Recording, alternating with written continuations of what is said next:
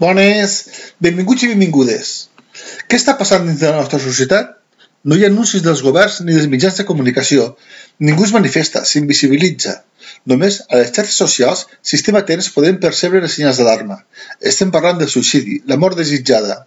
Durant l'any 2020, a Espanya es va batre el rècord històric de suïcidis.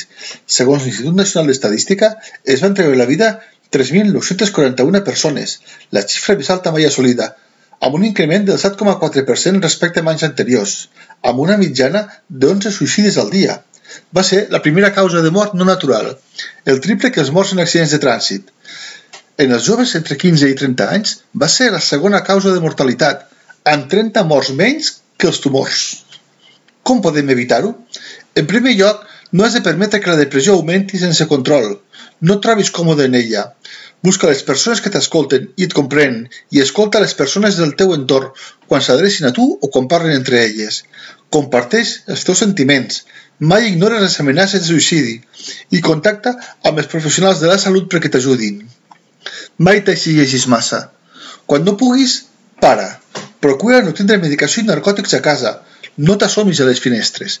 A vegades pot ser canvis físics o hormonals que poden provocar un canvi en les relacions en el teu entorn familiar o social. Ens podem trobar unes notes baixes o pèrdua de son o d'autoestima, canvis bruscos des de la conducta. Què empenya les persones a suïcidar-se? Les raons poden ser diverses. En primer lloc trobaríem els trastorns mentals amb la depressió al capdavant. També pot ser l'efecte de l'alcohol i les drogues, el que es pot provocar una incitació al suïcidi.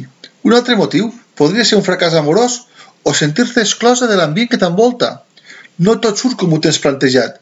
No assolim els nostres reptes, però hem de reforçar la superació de la frustració.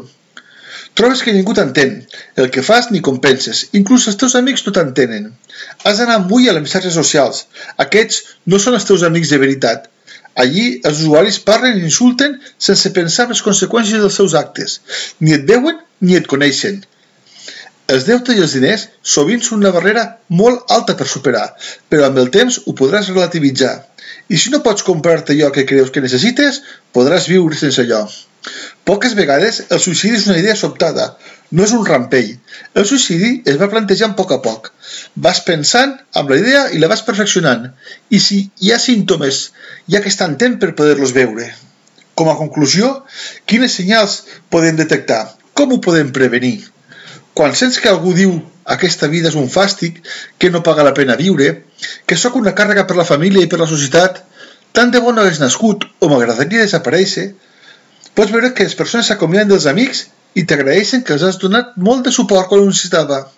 Veus que van tancant etapes i inclús regalen tot el que tenen per quedar-se sense res.